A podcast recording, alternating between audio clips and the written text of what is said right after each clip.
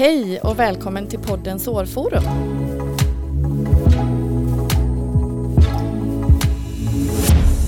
Hej Daniel. Hej Barbro.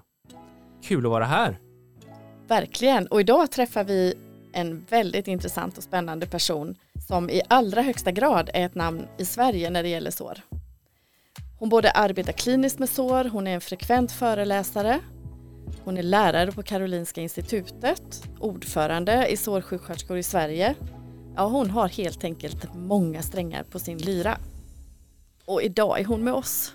Ja, det ska verkligen bli spännande. Eh, och vi kommer diskutera hur man inspirerar och motiverar sig själv och sina kollegor. Eh, hur man kan öka kännedomen om området sår och lyfta det på agendan i hela vårdhierarkin. Vi kommer prata en hel del och diskutera en hel del kring förändring, förändringsarbete.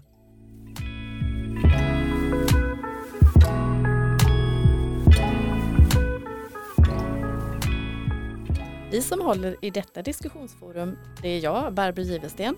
Och jag, Daniel Berger. Och Sårforum är en podcast från Mölnlycke Healthcare. Och jag vet inte med dig Barbro, men nu är jag verkligen intresserad av att bjuda in dagens gäst, Susanne Duva. Varmt eh, välkommen Susanne Duva. Roligt att ha dig här. Välkommen. Tack så mycket. Och snabbt, eh, vem är du? Ja, jag heter då Susanne Duva och eh, jobbar som specialistsjuksköterska inom onkologisk vård. Jag gick min sjuksköterskeutbildning 97 till 2000 och dessförinnan så jobbade jag som undersköterska i 17 år. Eh, jag jobbar idag på Sårcentrum på Södersjukhuset i Stockholm Eh, och tidigare så har jag jobbat bland annat inom ASIH, avancerad sjukvård i hemmet, eh, där jag har vårdat svårt sjuka och döende patienter. Och där var jag också processansvarig inom området sår. Eh, och min eh, längsta tid eh, där jag har jobbat som sjuksköterska är på onkologiska kliniken på Karolinska Universitetssjukhuset i Stockholm. Eh, och där jobbade jag bland annat på vårdavdelning, jag har jobbat på behandlingsavdelning och eh, jag har också jobbat där på Sveriges enda sårmottagning och det är för personer som har en cancersjukdom och utvecklat ett malignt tumörsår. Och eh, jag var också med och initierade och startade upp en eh, sårmottagning också på Södersjukhuset under den här tiden. Du har hunnit med ganska mycket du Susanne. Ja, trots att jag inte har jobbat mer än 21 år som eh, sjuksköterska så tycker jag väl absolut att jag har gjort det. Men jag kände väl så också att eh, jag var ju 35 år när jag började plugga till sjuksköterska. Och jag tycker att det var en klar fördel eh, med att få med sig också mycket bra kunskap och erfarenhet i bagaget. Men samtidigt så kände jag wow, att det öppnade sig en helt ny värld mm. eh, när jag blev sjuksköterska som jag inte hade förväntat mig eh, och tänkt på när jag var som undersköterska. Eh, och då kände jag bara så här, här får jag ge järnet, för det var så otroligt mycket jag ville lära mig och utveckla. Så att på så sätt så har jag väl mer eller mindre varit sugen och pluggat och lärt mig nya saker sedan jag blev klar sjuksköterska. Var det just det intresset som gjorde att du ville utvecklas? Var det det som gjorde att du utbildade dig till sjuksköterska? Eller var det liksom mer att du eh, kände att nej, men jag måste ta nästa steg? Eller var det just att du eh. ville påverka och förändra och utveckla? Eh, faktiskt så var det så här att när jag jobbade som undersköterska eh, så jobbade jag på Huddinge sjukhus. Eh, och då var det så här att eh, det skulle tas ett beslut att undersköterskorna skulle inte jobba kvar inom akutsjukvården och inte jobba kvar på sjukhus. Eh, och det var väl lite grann där jag fick en spark i baken, att eh, jag kände att jag hörde hemma här och det var nog det som fick mig att börja plugga eh, till sjuksköterska, absolut. Mm. Mm. Det här med Sveriges enda sårcentrum säger du, det tycker jag låter lite spännande. Vad, vad kommer det sig att det bara finns det fortfarande bara ett eller är det så att, att det har liksom blivit fler? Eh, I Region Stockholm så har vi bara ett sårcentrum. Eh, däremot så finns det flera sårcentrum ute i landet. Ja. Eh, absolut. Men sårmottagningen då, det var ju inget sårcentrum när jag jobbade på onkologiska kliniken, utan där var det mera att eh, Eh, vi märkte att eh, den här gruppen med maligna tumörsår var en otroligt eh, sårbar och utsatt grupp. Och att det fanns lite kunskap, det fanns lite erfarenhet. Och de här fanns ju överallt i hela vårdkedjan. Och vi kände att vi måste ta ett samlat grepp att kunna ta hand om de här personerna och göra det bästa för att höja deras livskvalitet och, och göra att de kände sig trygga och säkra med dessa enorma maligna tumörsår som eh, de får leva med resten av sitt liv tills de dör. Mm. Mm. mm. Patienten låter som att det är ett oerhört stort intresse för dig eh, och någonting som verkligen driver dig. Eh, när startade detta intresset? Det startade faktiskt eh, på en gång när jag var klar undersköterska. Jag började jobba på Poolen, Polen som det hette på den tiden. Eh, jag började jobba i januari 1901 på Huddinge sjukhus och då var det jättesvårt att få eh, jobb som undersköterska. Det fanns inga fasta tjänster så att man gick till Polen som det hette på morgonen och blev utplacerad på olika ställen eh, varje arbetspass man hade. Eh, men eh, jag fick vara väldigt mycket på transplantation och eh, då fick jag ett eh, där på ett och ett halvt år. Och eh, där fick jag bland annat träffa personer som eh, hade väldigt mycket operationssår. Eh, där operationssåren det gick inte så bra därför att eh, där utförde man bland annat de första bukspotttransplantationerna på personerna. Eh, där det visade sig att eh, med den kirurgiska tekniken inte var så lyckad då, 1981, vilket gjorde att det läckte ut bukspottbuken, vilket gjorde då att de här stora operationssåren i buken, liksom, eh, ja, de sprack ju upp. Mm. och sen så var det också många personer med diabetes med fotsår, så att jag kände där lite grann att det här, oj, vilken utmaning och man kände sig ganska maktlös. Eh, och det var väl det som jag kände bara att eh, det här måste jag lära mig mer av. Eh, så att eh, både jag fick, jag fick bland annat lära mig det på avdelningen där jag jobbar, men samtidigt så läste jag eh, vid sidan om, om det här och försökte lära mig mer. Så att, eh, det var nog där mitt intresse för sår startade. Mm. Så patienten kom först och sen kom såren med efter det helt enkelt, när du såg de här svåra delarna? Ja, absolut, därför att man såg ändå eh, dilemmat av eh, hur patienten led i den här situationen. Och det är ju det som vi lite grann, eller som jag också ser idag, att eh, det här med, med området sår och sårbehandling, de personerna som vi träffar då som har sår är ju lite grann längst ner i hierarkin. Mm. Och det finns inte så mycket ambassadörer eh, som liksom eh, gör deras röst hörd och de är väldigt utsatta och många av de här personerna också eh, bor själva eller eh, har svårt att eh, sköta om sina sår själv ifall de vill det eller om de är på en eh, vårdenhet så eh, kanske de också känner att eh, de inte får den hjälpen de behöver få. Och det här tycker jag blir väldigt tydligt också när de kommer till oss på Sårcentrum, att vi har ju väldigt långa eh,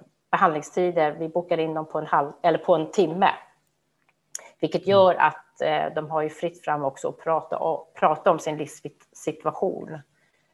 Eh, så att eh, patienten har jag känt lite grann, har ju alltid varit i underläge oavsett egentligen var i vårdkedjan de finns. Men jag tycker att det blir extra tydligt, eh, i alla fall inom det här området eh, med, med sår. Mm. Det känns, tycker jag, som att du pratar om att du redan som undersköterska började läsa på mer om sår och att du verkligen ville lära dig mer.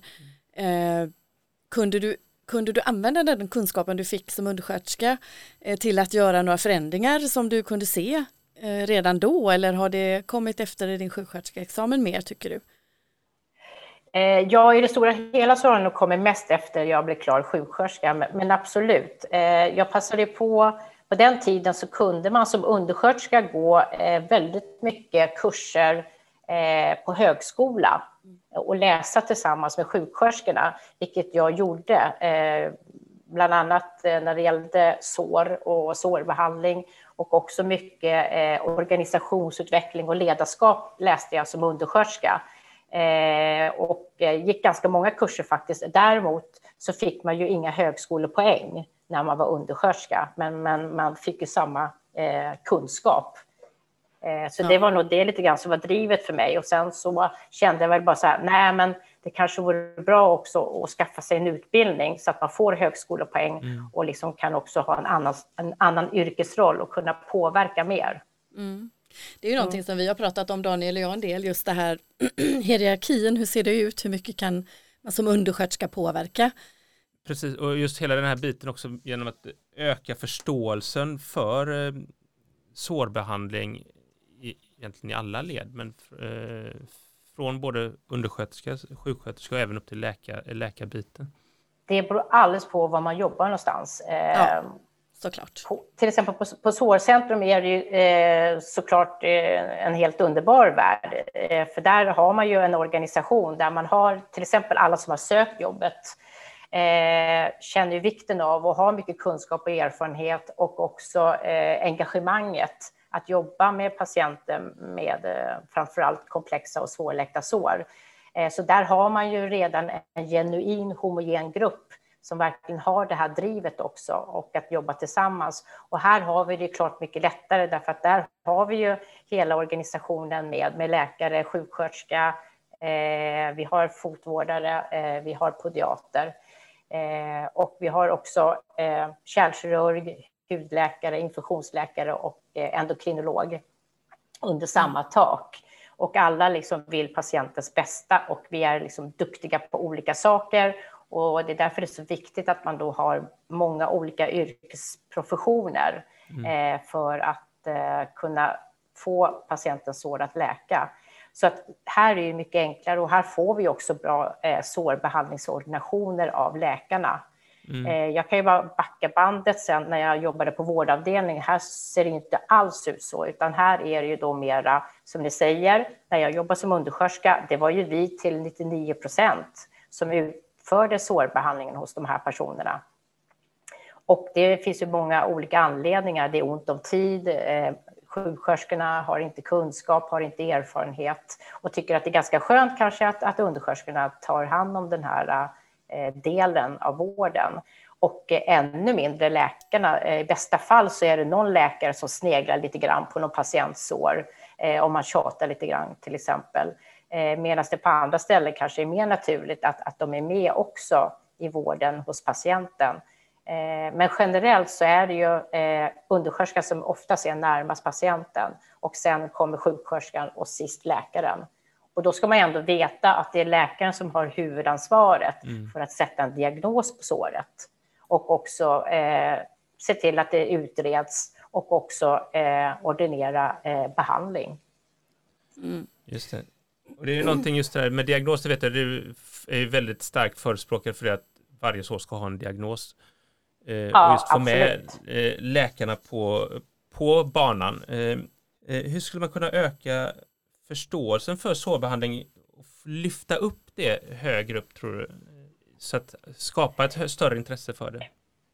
Ja, jag tror ju lite grann som, som alltid när man ska eh, få folk att, att, kunna och veta mer så, tror, så ska man börja så tidigt som möjligt. Eh, och jag tycker att eh, det ska redan in i utbildningen. Det tror jag är ett bra verktyg.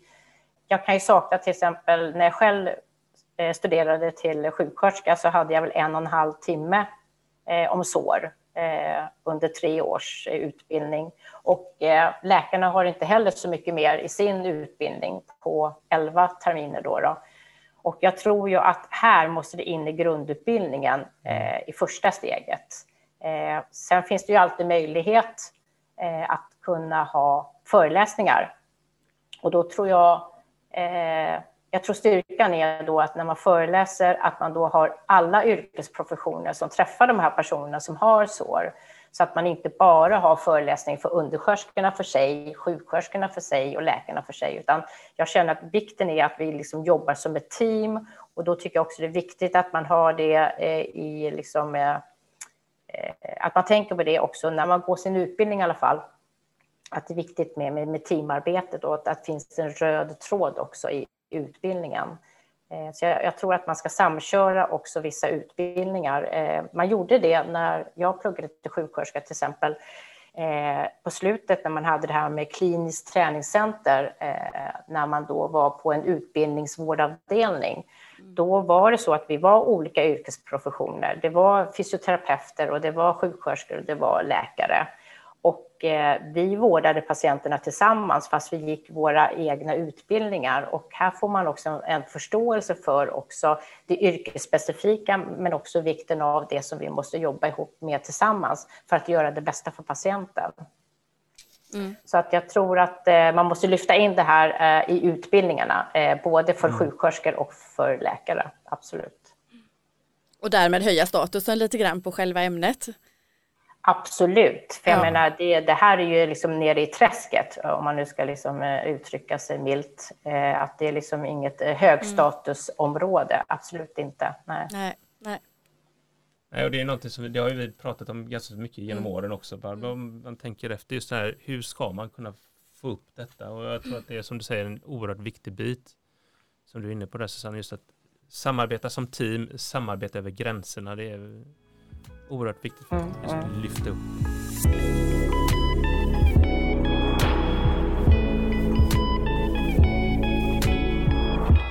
Hur eh, kan man involvera patienterna mer i sin vård? Ehm, vi har ju tänkt på det just under covid-19 när vi har hört mycket om att patienterna får inte sina sår omlagda och hur kan vi då i så fall kanske hjälpa till eller vad kan man göra för att också patienterna ska förstå att de kan göra saker?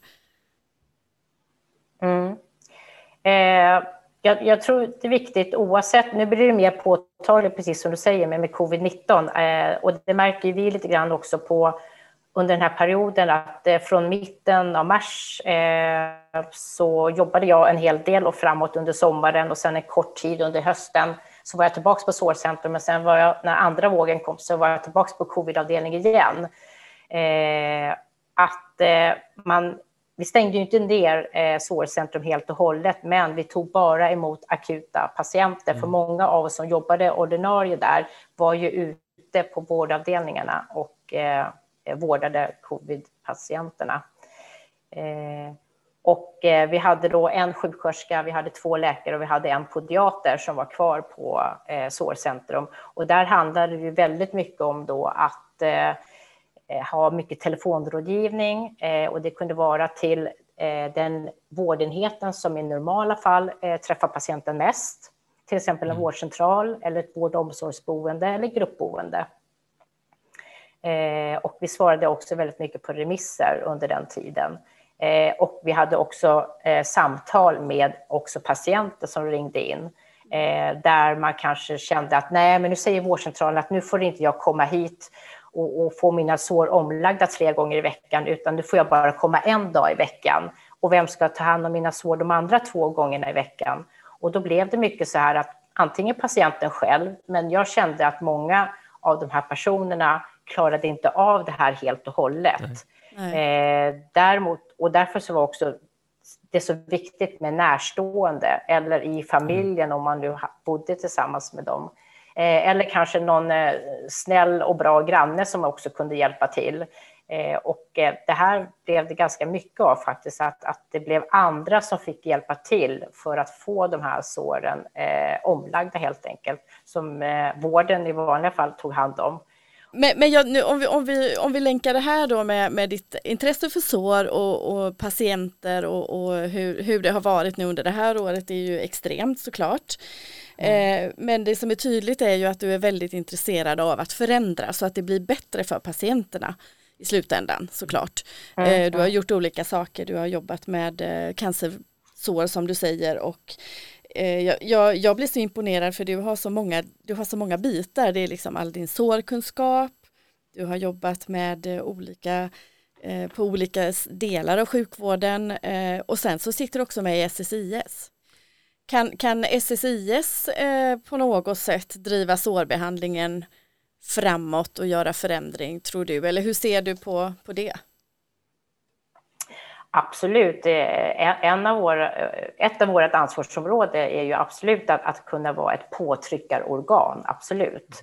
Eh, och eh, dels så ska vi lyssna in vad våra medlemmar har att säga och eh, föra fram det.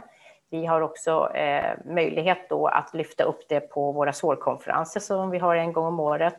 Men vi har ju också möjligheten att vi är ju då en eh, sektion, en förening som lyder under Svensk sjuksköterskeförening, eh, vilket är väldigt bra förmån därför att vi får ju otroligt mycket eller inte otroligt mycket, det var väl att ta i, men vi får alltså möjlighet att, att eh, svara på remisser, remissvar som till exempel kan komma från eh, Svensk sjuksköterskeförening. Mm. Eh, för att, att, jag tror att det är 54 olika föreningar som finns eh, eh, inom Svensk sjuksköterskeförening då. Och eh, vi har ju faktakunskapen, vi har erfarenheten, vi har kunskapen och eh, vi har ju otroligt många, i alla fall inom SSIs styrelse, som är liksom väldigt högutbildade och Eh, har eh, doktorerat bland annat och eh, forskar fortfarande. Och forskning är ju det nästan viktigaste av allt för att bevisa eller motbevisa någonting, vad som behöver förändras. Mm. Och också förklara lite grann hur läget ser ut här i samhället. Mm. Jag tror ju att om man nu ska kunna påverka politiker så går det inte bara att liksom, eh, prata om hur, hur, hur dåligt och hur eh, våra sårpatienter mår och hur dåligt de har det och deras sår läker inte, utan här handlar det liksom om det är faktakunskap, det är, mm. liksom, det är statistik, det är siffror som gäller och för att kunna bevisa så här såg det ut innan, och efter den här kunskapen och erfarenheten till exempel som personalen har skaffat sig så blev den här förändringen. Och eh, det kan ju vara åt båda håll, att man också kan bevisa på att titta, nu har liksom kunskapen, erfarenheten eh, inom sår och sårbehandling sjunkit. Och titta vad blev konsekvenser för patienterna? Och jag tror mm. att här är det jätteviktigt om vi ska kunna påverka politikerna att mm. det här måste liksom svart på vitt bevisas. Ja. Ja, just det, för att öppna ögonen för politikerna och driva den biten framåt. Så att man, det är också ett oerhört viktigt sätt mm. för att lyfta sårbehandling inom, inom alla kategorier och faktiskt mm. eh, verkligen öppna ögonen. Mm. Ja. När, när, du nu nämner det, att man tittar på det, hur, hur, har, hur ser sårbehandlingen ut just nu? Alltså om vi bortser från covid-19, för då, ja, det vet ja. vi att det är exceptionellt, men jag tänker, har, har, hur har det sett ut under den här perioden som du har varit med i SSIS? Har det blivit bättre eh, för patienterna eller har det blivit eh, ingen förändring? Eh, alltså, generellt i Sverige så är det nog lite både och. Eh, en klar fördel har ju varit att det har öppnats eh, och, och kommit till flera sårcentrum i, i mm. Sverige som är en bra förutsättning för att samla all kunskap och erfarenhet under samma tak och att man har olika yrkesprofessioner som liksom träffas tillsammans och diskuterar och utreder patienten Eh, det, det, är en klar fördel och, och, man kan också se det här med att man har till exempel kvalitetsregister. Att när det har utformats lite grann så blir det så att då har man ju också eh, att man liksom jobbar mera organiserat eh, och strukturerat när man har till exempel ett kvalitetsregister. Det har ju också bevisat sig eh, är en klar fördel för eh, sår och sårbehandling. Eh, däremot på många andra ställen så tror jag att eh, kunskapen och erfarenheten har sjunkit och blivit eh, sämre.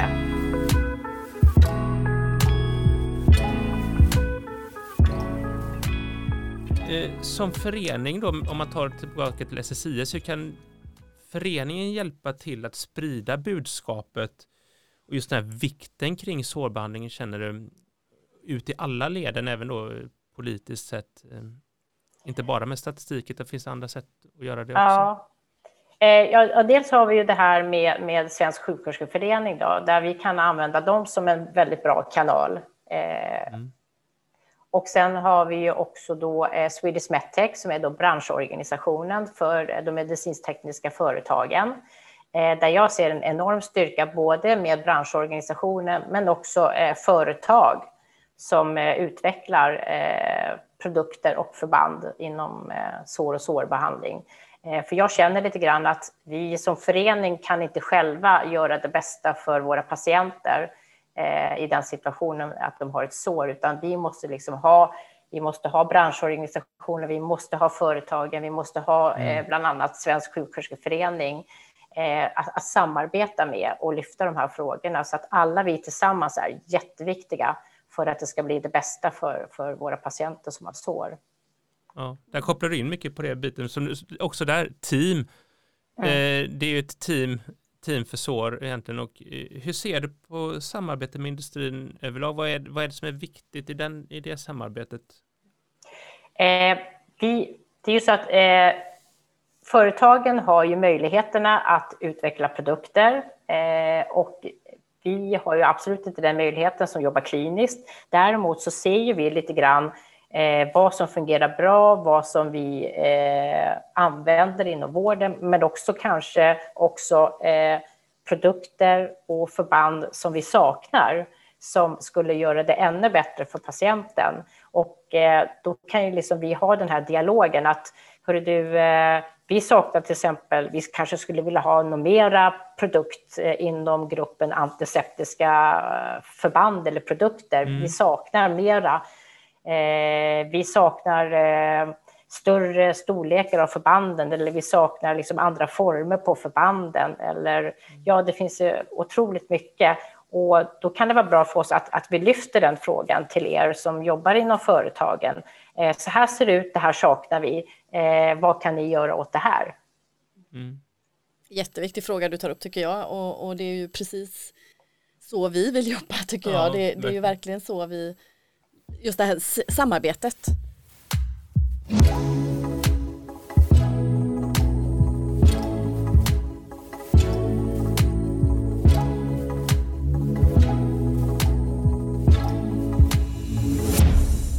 I din lärarroll, hur kan du inspirera och få dem som du undervisar att verkligen intressera sig och förstå vikten av att, att ett sår är så mycket mer än ett litet sår. Det är någonting som patienten verkligen behöver mm. stöttning med.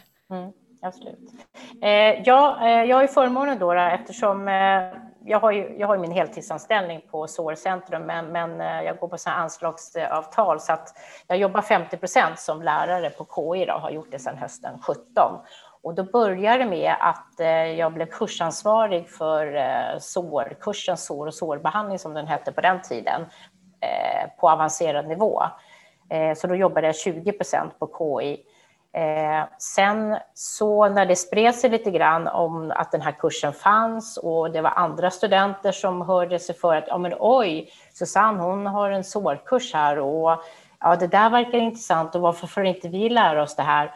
Och med, med, med hjälp av studenterna då, påtryckningsorgan, vilket är en väldig styrka. Vill man förändra någonting, i alla fall på lärosätena, så är det liksom viktigt eh, att det här kommer från studenterna, så att det inte bara kommer från mig, Susanne Duva, att det är jag som tycker något. Så det innebar då att eh, jag kom in och började undervisa redan i termin två. Och de hade ingen eh, undervisning överhuvudtaget i sår och sårbehandling tidigare. Så att jag började väldigt basic där äh, med att eh, lite prata om eh, med lite fokus kanske på trycksår och förebyggande av sår och vikten av det då, eh, som blev helt naturligt i det eh, ämnet de läste under termin två. Eh, och sen så spreds det vidare och sen så började studenter så här, ja men som då gick i, i termin tre och fyra och fem och sex, de hade inte fått det här i termin två.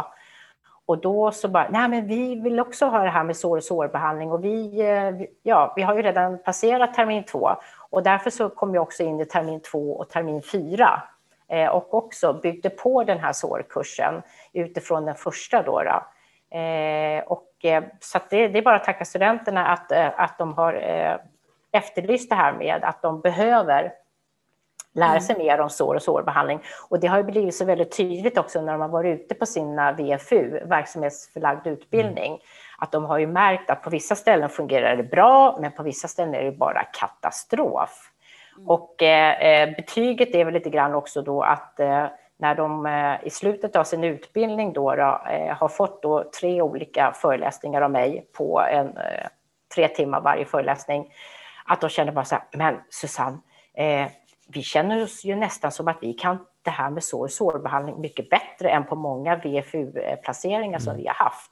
Och det kan man ju säga är ju guld värt för studenterna, men det är ett underbetyg eh, ute i vården att det ser ut så här, att studenter kan mer om sår och sårbehandling eh, än eh, de som jobbar inom vården.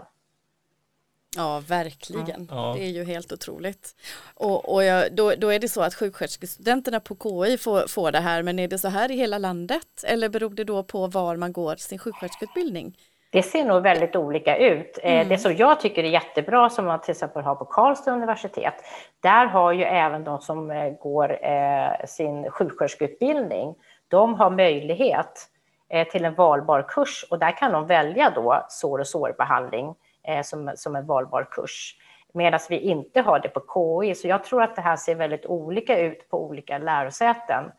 Eh, jag kan tycka att det är lite tråkigt och sorgligt, eh, för det är så här nu att de flesta som går min sårkurs idag eh, är, ska ju bli distriktssköterskor. Men det är så att det är en valbar kurs, vilket innebär då att man måste gå en specialistutbildning för att kunna mm. söka till den här kursen. Och det begränsar ju bara till de då som går en specialistutbildning.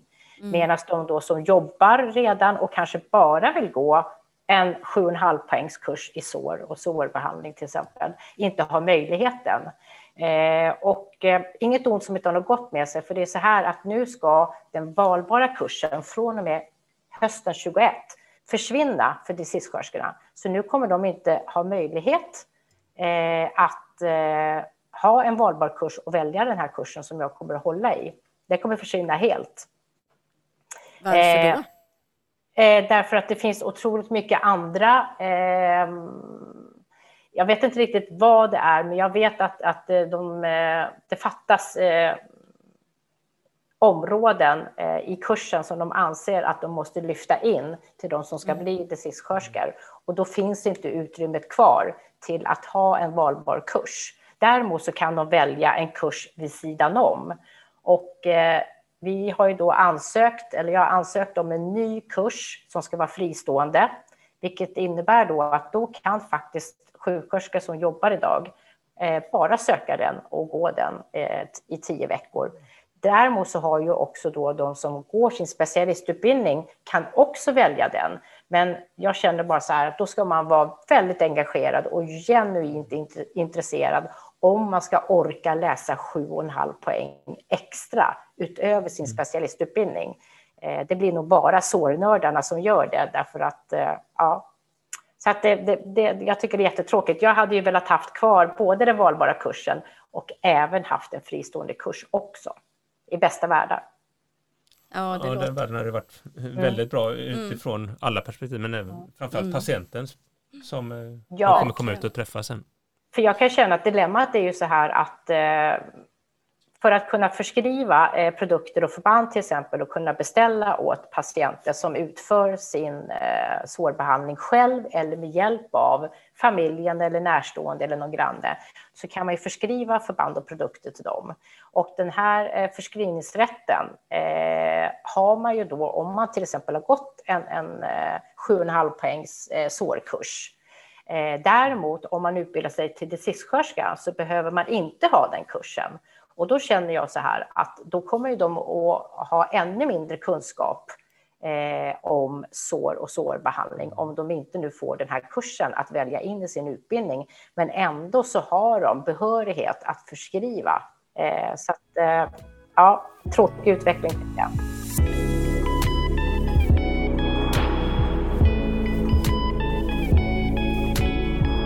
Där ser man ganska intressant faktiskt att just som du säger, där, om man tittar på att driva intresset för sår. Mm. När du hade den här utbildningen, vilket stort intresse det blev just utav de nya studenterna mm. Mm. att se på såret och få hela biten. Så att få den som en, en obligatorisk del hade ju varit eh, oerhört viktigt för, för sår-Sverige eh, mm, mm. i framtiden. Eh, och lite grann, eh, om man tänker framåt, vad skulle Sverige behöva, sår-Sverige behöva i framtiden, tänker du, rent spontant? Eh, en utveckling eh, och att flera sårcentrum eh, kommer till i Sverige eh, eh tycker jag är ett måste.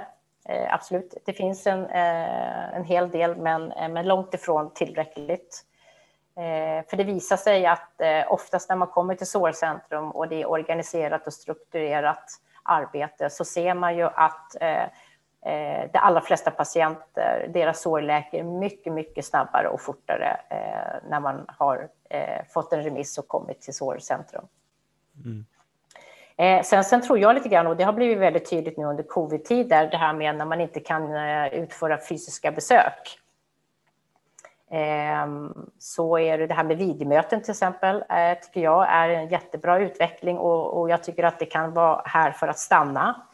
Eh, och jag tycker också att man ska eh, utveckla eh, att man till exempel eh, har en app där man till exempel på ett vård och omsorgsboende eller ett gruppboende eller en vårdcentral eh, kan ta foton på såret och snabbt skicka in det eh, och bara efter några sekunder så finns det då folk eh, på ett annat ställe eh, som sitter och bedömer såret och kan ge eh, förslag på sår och sårbehandling eller förslag på utredning där man snabbt då kan få patienten till, till rätt vård. Och det här eh, har ju utvecklats när det gäller det här med malignt eh, melanom till exempel, så, så har man ju sedan en tid tillbaks. Eh, det var ett projekt från början då, då att eh, patienter som kom till vårdcentralen till exempel eh, och där man misstänkte att det var ett malignt melanom så skulle ju liksom eh, läkaren på vårdcentralen skriva en remiss och så skulle patienten utredas och det kunde ta tid. Eh, här så skickar de också bara bilder och liksom väldigt, väldigt snabbt så får eh, vårdcentralen besked på att mm. nej, det här är lugnt, eh, ni behöver inte göra någonting eller patienten ska liksom snabbt eh, till, eh, till hudkliniken till exempel eller någonting och kirurgiskt ta bort det här och att eh, det ska ske inom sju dagar. Så att här mm. har du en väldigt snabb process att det händer från det att man bedömer någonting till att det händer någonting hos patienten. Och här tror jag också att det finns en bra potential när det gäller patienter med sår. Därför att man kan inte ha eh, samma kunskap överallt i hela Sverige. Men det ska finnas mm. möjlighet att få experthjälp snabbt och enkelt. Och då tror jag det här med, med appar är ett jättebra verktyg att eh, jobba vidare med. Jobbar med det digitala helt enkelt? Ja, absolut. Ja, ja. Mm. Spännande att lyssna på dig. Du har, väldigt, eh, du har ju gjort väldigt mycket förändring under din resa verkligen. Även om du ser det kanske på ett annat sätt så tycker jag i mina öron låter det som att du har mm. påverkat jättemycket och det är så härligt att höra att du verkligen brinner för det på det sättet som du gör. Och när du pratar om det så lyser det om hela dig. Det kommer inte ni se som lyssnar men det ser vi som pratar med dig. Eh, men vad är det som motiverar dig? Vad inspirerar dig till att, att fortsätta? För som du säger, det är inte den hetaste stenen vi snackar om. Det är väl eh, driver, jag, jag har alltid varit eh, drivande när det är någonting jag tror på. Eller, eh, och det startade väl från första början med orättvisor. Och det var väl det som fick mitt engagemang generellt. Och eh, jag har alltid vurmat eh, för, för de svaga i samhället oavsett vad det handlar om. Och eh, vill alltid förbättra situationen för de personerna. Eh, och då är det så att de personerna kanske vill men kan inte, orkar inte och vissa kanske inte ens vill i början. Eh, och då känner jag så här att då måste, jag känner att jag måste vara en ambassadör för den här gruppen, mm. absolut. Eh, och eh, jag märker också att det gör otroligt mycket skillnad. Och eh, jag känner lite grann det också under den tiden eh, när jag har mina patienter också på sårcentrum, att där kommer det fram väldigt mycket hos de här personerna med tanke på att de är ungefär en timme hos oss.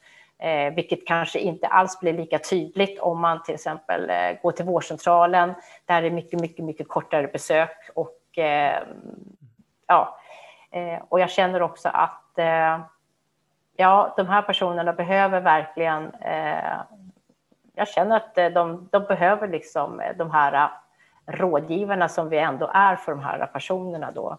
Att vi måste liksom eh, göra deras röst hörd. Eh, och det måste komma från oss då som engagerar oss. Så att jag känner att vi måste liksom vara otroligt intresserade och engagerade i de här personerna för att eh, göra skillnad för dem. För att eh, eh, det, det, kan vi verkligen göra. Mm. Mm. Hur, hur, lätt eller svårt är det att få med sig sina kollegor på sådana här resor som du när du pratar om förändring och att man vill man vill förändra någonting. Hur, hur tycker du att det, det, är lätt eller svårt att få dem med? Eh, alltså jag tycker nog att med, med, med den, eh, eh, vad ska jag säga, eh, de människorna som jag träffar både privat men eh, framförallt på jobbet och också eh, i SÅR-nätverket eh, och på andra ställen så tycker jag att eh, jag vet inte om det är så att det är därför jag pratar med dem, för att de är engagerade i sår och sårbehandling. Men då tycker jag inte alls att det är några problem, därför att viljan finns där ute och engagemanget finns där ute också. Men även annan personal inom vården behöver också ha vad ska jag säga, stödet också att de mm. kanske vill påverka, de vill gå utbildning, de vill lära sig mer, men kanske få nej av arbetsgivaren. Och då kan det vara så att eh, man kan ge tips och idéer hur de kan bete sig eh, eller eh, framföra någonting eh, eller hjälpa dem på traven. Eh, för att engagemanget finns där ute. Sen så känner jag väl att jag har ett ansvar att se till att att göra det bästa för dem för att eh, infria det som de, de kanske vill förändra på, på jobbet. Då, då. Mm. Ja, för just den där biten att inspirera andra är ju oerhört viktigt. Det märker man ju också, du är frekvent som föreläsare i, i Så Sverige. Mm. Och det märks ju väldigt mycket just eh, hur du inspirerar andra på dina föreläsningar. Um, har du några bra tips att dela med dig av hur du inspirerar på just en föreläsning? Nej, men jag kan ju känna att eh, att det är mitt ansvar och fördelen är ju då, och, jag tycker att den kombinationen är så bra då, att jag jobbar kliniskt och att jag då jobbar också på, på, eh, på lärosäte, att eh, den kombinationen är så otroligt bra att kunna undervisa men samtidigt leva i verkligheten. Därför att jag tror att man blir mer trovärdig också och att man Alltså, större delen av mina föreläsningar är ju liksom inte massa text och sånt, utan det är ju liksom mm. bilder eh, på patienter med olika slags sår eh, där man kan bevisa att gör man så här så, så går det åt det här hållet och gör man inte så här, för att jag brukar visa både dåliga och goda exempel på när man utför sårbehandling, hur det kan mm. se ut när man inte gör som man ska och vice versa. Och det blir så tydligt då att, att man med lätta, enkla medel kan faktiskt göra en förändring och det krävs inga jättekliv. Eh, och därför så blir det så tydligt också och därför så känner jag också då att Eh, jag blir jätteglad så fort jag får en fråga om jag vill komma och föreläsa. Och mm. eh, jag gör det eh, liksom både på arbetstid, men framför allt eh, det, de flesta gånger jag föreläser så gör jag det utanför arbetstid. Mm. Och det är den där biten att, att faktiskt i, i föreläsningarna visa, visa verkligheten och få igenkännelse av de som, mm. Mm. som du säger, när du visar ett sår, eh, jag har haft ett liknande på den patienten och mm, man kan få mm, den där absolut, eh, ja. Och inge hopp, vi pratade förut att inge hopp för patienten men det är faktiskt att även att inge hopp för för vårdgivaren att det går att eh, lösa och skapa en bättre förutsättning mm. för såren att läka absolut. och för mm. patienten. Absolut. Och sen den öppenheten också att alltid när jag har föreläst då, då så eh, att, att de ändå har den möjligheten. De får ju åhörarkopior, absolut, utan sårbilder då för, för respekt för patienten. Men också att man, eh, jag liksom ger alltid ut min eh, mejladress till exempel, så att man mm. alltid kan, om man har frågor och funderingar ifrån föreläsningen, eller om man eh, har någon patient eh, som man vill diskutera och sånt, eh, så eh, är jag alltid öppen för att den möjligheten finns, eh, att, att alltid kunna höra av sig. Och det säger jag både till studenter och det säger jag även till vårdpersonal när jag är ute och föreläser, som jag tycker liksom är... Eh, jag känner att det, det är någonting som jag tycker också är viktigt, så att jag inte bara föreläser liksom och sen så, så blir det stopp därefter. Nej. Mm. Nej, spännande och härligt att prata med dig. Man blir, man blir engagerad bara man eh, lyssnar på dig tycker ja, jag. Det, det, är väldigt härligt att, att få höra hur du har, hur du har jobbat och, och vad du har gjort under din, dina år och du har ju många år kvar. Så att vi är glada för att du fortfarande utbildar studenter då till exempel och att du fortfarande är kvar mm. på sårcentrum och tar hand om de här patienterna. Och även eh, rollen eh, som ordförande i SSIS, just hur, för den är också en oerhört viktig del i att driva kunskapen och eh, föra upp sår på agendan högre upp och genom det kan du då engagera dig i andra delar också. Mm. Eh, hur ser du på den rollen som ordförande i SSIS just i, i möjligheten att komma lyfta upp saker och ting mer högre upp? Och i andra forum kanske framförallt? Ja, precis. Ehm, ja, jag har förmånen, eh, jag har varit ordförande väldigt många år nu, eh, sedan 2009 då, och eh, jag känner väl att den rollen som ordförande, det är mer att jag har alltid varit engagerad i föreningsverksamhet och tycker att det är väldigt viktigt oavsett vad det är man vill, där man har intresse och vad man, vad man vill kunna påverka till exempel. Så att jag känner kunskapsmässigt så är jag liksom jag tycker att styrkan är ju hela styrelsen. Och så jobbar jag i alla fall. Att liksom, jag som ordförande, jag är bara en person av alla andra i styrelsen. Och jag känner att jag mer har det ansvaret att liksom, eh, få liksom, eh, struktur och organisation på vår förening och verksamhet och eh, styrelsearbete och sånt. Sen kunskapen och erfarenheten är ju otroligt genuin i, i, i alla fall eh, den styrelsen som, som vi har i SSIS och den är guld värt. Och jag tycker att det är helt underbart att kunna få axla rollen som ordförande i en sån otroligt eh, bra, eh, eh kompetent styrelse som har så otroligt mycket att ge och, eh, ja, och också ett jättehäftigt och roligt jobb. Ja, men det förstår jag. Mm. Och där kan man, man kan ju, som ni gör, sporra varandra också och eh, se till att driva, driva och dela vidare. Det är mm, mm. oerhört intressant att se ett samarbete även där, eh, teambiten. Ja, som vi har varit inne på så många mm, bitar innan. Mm. Och här är det viktigt också som eh, lite grann när vi eh, också har både EPU-app, den europeiska organisationen när det gäller trycksår och även JOMA då, den europeiska organisationen när det gäller sår.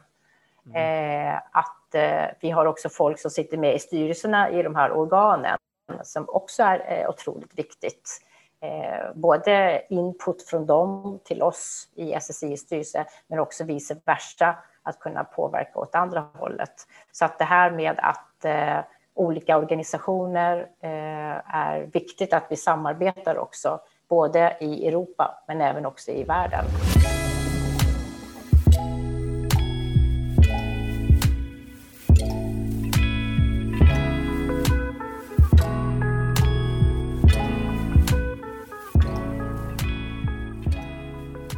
På något helt annat. Eh, ett av dina stora intressen är fotboll. Vilket ja. eh, lag i Sverige är bäst? eh, ja, bäst är de ju tyvärr inte, men eh, jag är ju då en gen genuin bajare såklart. Mm. absolut. Hammarby, ja, fotboll, ja. absolut. Eh, ja. Eh, precis, och hur kan man använda det här, alltså just jag tänker i interaktionen med patient Eh, hur kan man använda fotboll och sådana här saker i, i den dialogen lite grann?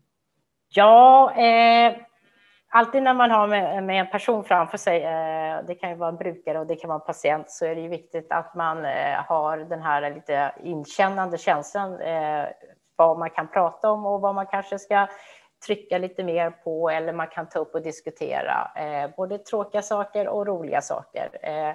Och av någon anledning så, så kommer man oftast naturligt in på det eh, efter ett tag. Eh, och eh, det gäller både kvinnor och män. Eh, men, men jag eh, har väldigt mycket eh, området eh, fotboll. kommer då in lite då och då faktiskt hos väldigt många patienter, absolut. Eh, och då kan man vara lite ironisk och man kan vara lite sarkastisk och, och lite inkännande så här. Och många gånger så kommer det först ifrån eh, patienten och eh, ibland först ifrån mig. Men det är en ömsesidig kärlek liksom när man mm. pratar och det är ju så här i Stockholm så har vi ju liksom eh, antingen säger man liksom eh, Bajar eller också säger man på AIK eller Djurgården. Eh, det är väl de tre genuina. Eh, sen har vi Brommapojkarna också i och för sig i Stockholm då, men vi har fyra fotbollsklubbar i Stockholm och eh, alla tycker såklart eh, att, att, deras klubb eh, är inte bäst, men att man pratar väldigt varmt om det. Och att man ska självklart vara det ena eller andra. Och då blir man lite så här, vad ska vi säga, man, man, slänger lite små kärleksfulla kängor till varandra och sådana där saker. Speciellt om det har gått bra, till exempel för mm. Bayern och vi har mött AIK eller Djurgården eller Brommapojkarna då, då att att man kan lyfta upp det sådär eh, när man träffas ena gången och sen nästa gång då är det, då är det liksom eh, ombytta roller då. då. Eh, så att eh, det, det, är ett givande och tagande. Men, men, det här tycker jag också är viktigt att man får in det här att det inte bara det blir fokus på sår och sårbehandling och kommer till oss utan att man kan lyfta andra ämnen också. Och det tyckte jag blev mm. också väldigt eh, tydligt också när jag jobbade eh, inom RCH med svårt sjuka och döende patienter. Att det här med, med, med humor och eh, mm. här med saker och ting utanför vården, att man liksom inte bara pratar sjukvård, bara pratar sjukdom, bara pratar behandlingar, utan den andra delen är otroligt viktig också så att det blir en balansgång. Så att eh, det, det, det är väldigt bra kär, kärleksfullt ämne att eh, börja starta ja. och prata fotboll, absolut. Mm. Mm. Det blir ett sätt att avdramatisera det, avdramatisera på faktiskt, som du säger, få med hela patienten mm. också mm. och, eh, och kanske på det sättet också väcka intresset och inge hopp som är så oerhört viktigt. Connecta på ett annat mm. sätt tänker jag, precis som du säger, att, att man har en, en, något annat att prata om, att man inte bara pratar om såret utan också om lite andra Nej. saker runt om. Och speciellt kan jag förstå mm. i den, den eh, delen som du, du beskriver att det är viktigt. Mm. mm. Tiden går fort varit... när man har roligt. Ja, det har varit oerhört roligt och intressant att ha dig med Susanne. Jag skulle eh, vilja ställa en fråga till faktiskt. Då tycker jag du gör ja. det. Vem skulle du vilja lyssna till i en podd om sår och sårbehandling och förändringsarbete? Jag skulle nog jättegärna vilja ha en, en person som eh, inte är känd, eh, som jobbar i det dunkla och dolda. Eh, men som eh, har ett otroligt engagemang och intresse för sår och sårbehandling och känner att eh, med väldigt, väldigt små resurser eh, har gjort en förändring på, sitt, på sin arbetsplats. Det skulle vara mm. jätteintressant att lyssna på. Mm. Det finns väldigt många av de här personerna i Sverige som jobbar i sin egen lilla vrå eh, som varken syns eller hörs. Och eh, jag tycker att de här personerna är eh, superviktiga. De mm. behövs. Härligt. Då återkommer vi till dig. Det skulle vara jätteintressant. Mm, mm. Ja. Kul, jättebra svar tycker jag. Det, var, det är alltid intressant att veta för det är vi, vi som eh, spelar in och vi som sitter här och gör det här tycker jag att det är spännande att höra lite grann om vad ni som jobbar i verksamheten också faktiskt mm, mm. lyssnar till. Efterfrågan. Och som sagt, det har varit fantastiskt roligt att ha dig med Susanne. Eh, har gett mig jättemycket. Mm. Mycket insikter och eh, motivation att eh, fortsätta med det man gör. Eh. Och jag har lärt mig att du har gjort så otroligt mycket saker för de här patienterna med, när det gäller att få upp såren och sårbehandlingen på, på agendan och eh, hjälpa de här svårast sjuka patienterna med sina sår.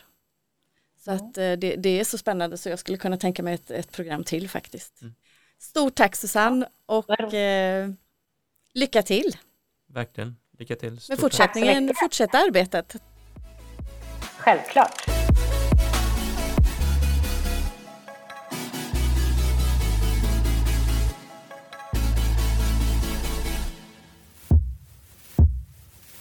En poddproduktion av Fredag.